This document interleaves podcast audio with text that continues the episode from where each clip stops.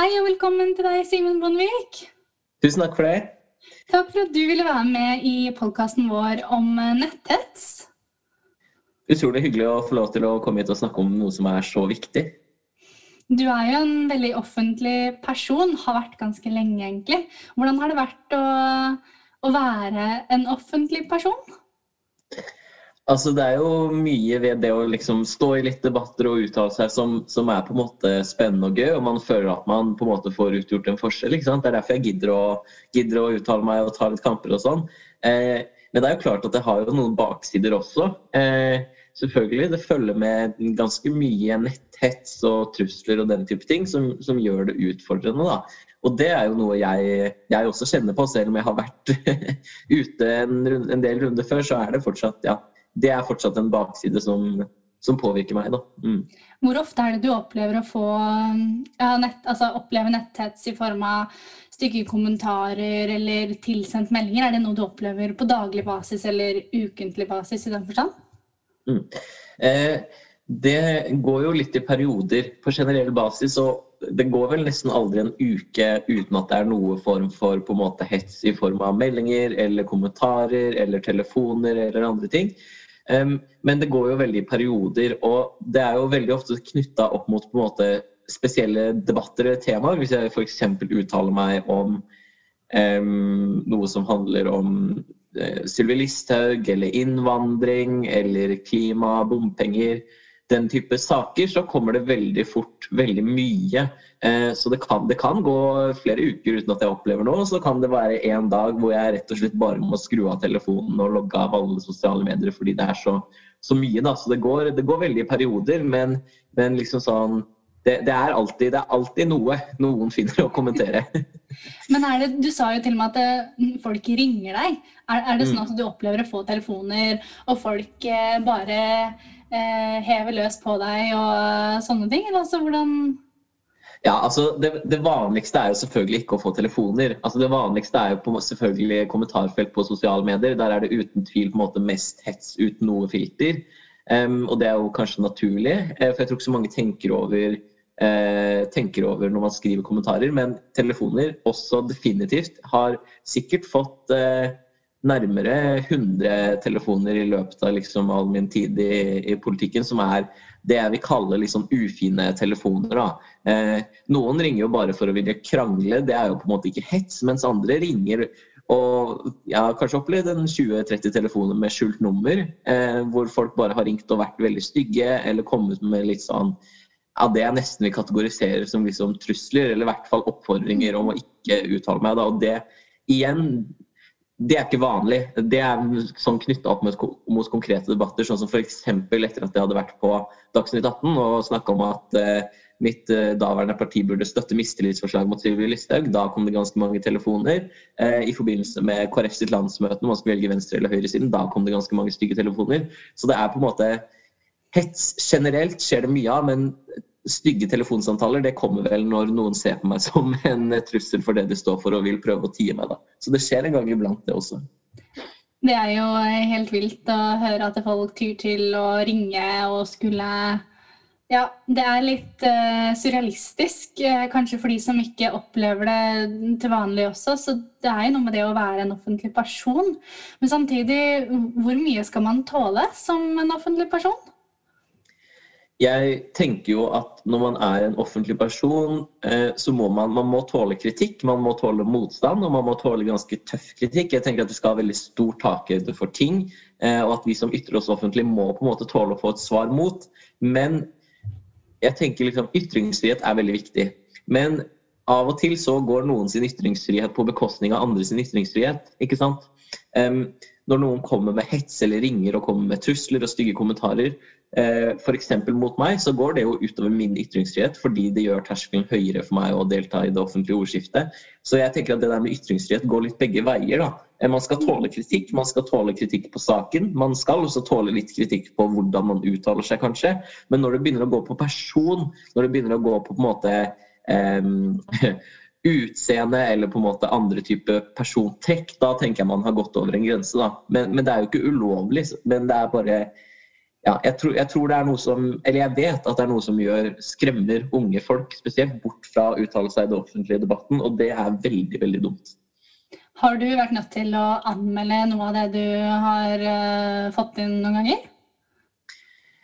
Det er mye av det jeg fikk, spesielt i starten når jeg begynte å, å uttale meg. Um, første liksom, store nasjonale debatten jeg sto i, var jo var jo KrS sitt landsmøte. Så når KrS skulle velge høyre- eller venstresida, så var jeg veldig uttalt tilhenger av at eh, partiet skulle gå i regjering med venstresida. Da, eh, både den gangen og når jeg var på Dagsnytt 18 om at Sylvi Listhaug, eh, eller at KrF burde støtte mistillitsforslaget mot Sylvi Listhaug, da opplevde jeg eh, i hvert fall en sju-åtte um, seriøse trusler. Um, som, som, eh, som, absolutt var noe jeg burde anmeldt. Eh, men da var jeg så um, fersk og, i dette her, og så usikker og redd at jeg sletta bare alt i panikk. ikke sant? Mm. Um, fordi det, det, man, man, jeg ble jo redd. jeg ble jo liksom sånn Hva er, det, hva er dette? Er dette seriøst? Mener de det når de skriver at uh, vi skal sørge for at du aldri får oppleve KrF sitt landsmøte, eller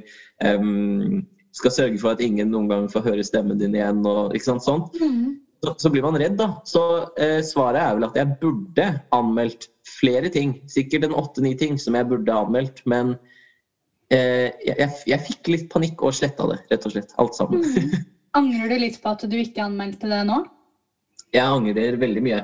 Um, det er jo såpass eh, De liksom mest alvorlige truslene, som jeg også vil kategorisere som drapstrusler, er jo såpass mange år siden at nå er det på en måte for sent, og jeg har jo sletta det uansett. Det er jo ikke mulig å finne, men jeg skulle absolutt ønske at jeg anmeldte det. Ikke for min egen del. Jeg på en måte har lært meg å håndtere sånne type ting, men for alle de som kommer etter, da. De folka som eh, driver og truer meg på en sånn måte, gjør det jo garantert mot andre også. Så jeg angrer ikke på at jeg ikke gjorde det for min egen del, men jeg angrer på at jeg ikke gjorde det for, for eh, alle de unge samfunnsdebattantene som kommer etter meg, da. Mm. Hva vil du si er mest eh, sårende med det du For du sa jo at du bl.a. ble redd når du får eh, alvorlige trusler, som er fullstendig forståelig. Men, men, er det Du føler på den der redselen også, men er det sårende eh, å skulle lese slike ting, og at folk eh, ikke vil deg noe godt? da? Eh, for mm. det virker jo ikke sånn hvis de kommer med ganske alvorlige trusler og, eh, og slike ting. Mm. Ja, godt spørsmål. Jeg um det er jo det første man lærer eh, når man liksom på politiske skoleringer og sånn, er jo at man ikke må lese kommentarfelt om seg selv. Men jeg klarer ikke å la være. Jeg leser hver eneste kommentar i hver eneste avis. Det innebærer også Resett har jo hatt flere artikler hvor det på en måte som har vært retta mot meg. ikke sant? Det var jo bl.a. et leserinnlegg som, eh, som sto på forsiden av Resett eh, nesten en hel dag, hvor overskriften var noe sånt Simen Bondevik er en hvit privilegert drittunge. Og du kan jo tenke deg hvordan det kommentarfeltet der så ut da. ikke sant? Så, så eh, jeg leser alt. Og jeg blir ikke redd av trusler lenger, fordi jeg har jo skjønt at det ikke medfører noe reelt. Um, og jeg på en måte kan, jeg går i en sånn modus ikke sant, når jeg leser kommentarfelt, at det er veldig sånn Da stenger jeg på en måte følelsene ute, og så bare leser jeg liksom sånn OK, hva er det folk sier? Um, men det som, så da går det ikke inn på meg når jeg aktivt går inn for å lese kommentarfelt. Men det som går inn på meg, er hvis jeg f.eks. får um, melding på Messenger eller DM på Instagram eller kommentarer eller telefoner når jeg ikke er forberedt på det. Eh, og spesielt hvis det er noe, noe, som treffer meg. da. Altså sånn, jeg er, en, jeg er en selvsikker person, på en måte, men, men hvis det er noen kommentarer som jeg kanskje føler at eh, Som jeg begynner å føle på, da, at oi, kanskje det er noe i det, eller kanskje den personen har rett når han sier sånn og sånn, så, så det, det, er sårende når det går på, når det går på, på en måte Det er ikke sårende når det er sånn kommentarer som er sånn 'Å, for en dritt, bortskjemt drittsekk', liksom. Det er ikke sårende. Men når det er kommentarer sånn eh, 'Han er så stygg', eller liksom sånne type kommentarer som det også er veldig, veldig mye av, det er Hæ? Ja, når det går på personangrep? ja, da, da, går det inn på meg også. Jeg skal ikke late som det ikke gjør det. Altså. mm. ja, det er jo fullt forståelig. Vi er jo alle, alle, menneskelige. og Selv om vi skulle ønske at ting ikke gikk inn på oss noen ganger, så gjør det jo til syvende og sist eh, det. Det er mm. ikke alltid like lett. Nei, det er ikke det. Jeg, men jeg klarer veldig fort å riste av med sånne ting. ikke sant? Um, jeg, jeg, har på en måte blitt vant til, til det. Men det var spesielt én gang jeg opplevde det som ekstra ubehagelig, hvor det på en måte For jeg vil aldri si at OK, når jeg fikk disse drapstruslene for noen år siden, da gikk det utover livskvaliteten min. Da var, jeg, da var det noen dager hvor jeg var sånn OK, nå vil jeg bare holde meg inne i, inn i leiligheten. Men, men, liksom sånn, siden det så har jeg egentlig ikke opplevd det. Men jeg opplevde det litt eh, når, det, når, jeg var en, eh, sto i en offentlig debatt om det her med rasisme eh, og den her blackface-greia i 'Nissen over skogen' her, ikke sant.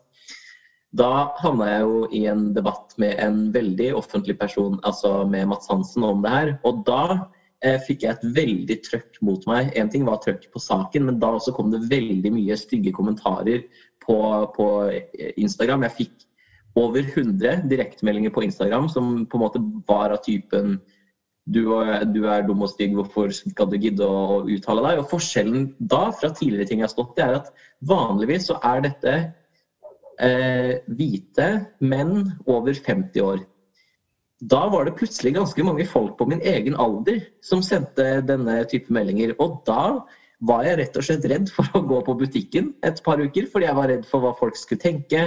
Hva, hva liksom sånn. så, så, så, så, det påvirker meg også, um, spesielt når det er fra folk som vanligvis ikke er stygge, eller når det er mm. liksom ting som treffer litt mer. da, og når det kommer fra folk på min egen alder som det gjorde da, så, så, så traff det meg litt mer enn det vanligvis gjør.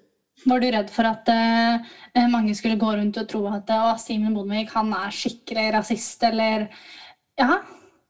Ja, altså her var, ikke, her var, vel ikke, faren det at folk skulle tro at uh, jeg var rasist. For det var liksom den debatten jeg tok mot Mats Hansen, at jeg mente han forsvarte en rasistisk uttalelse.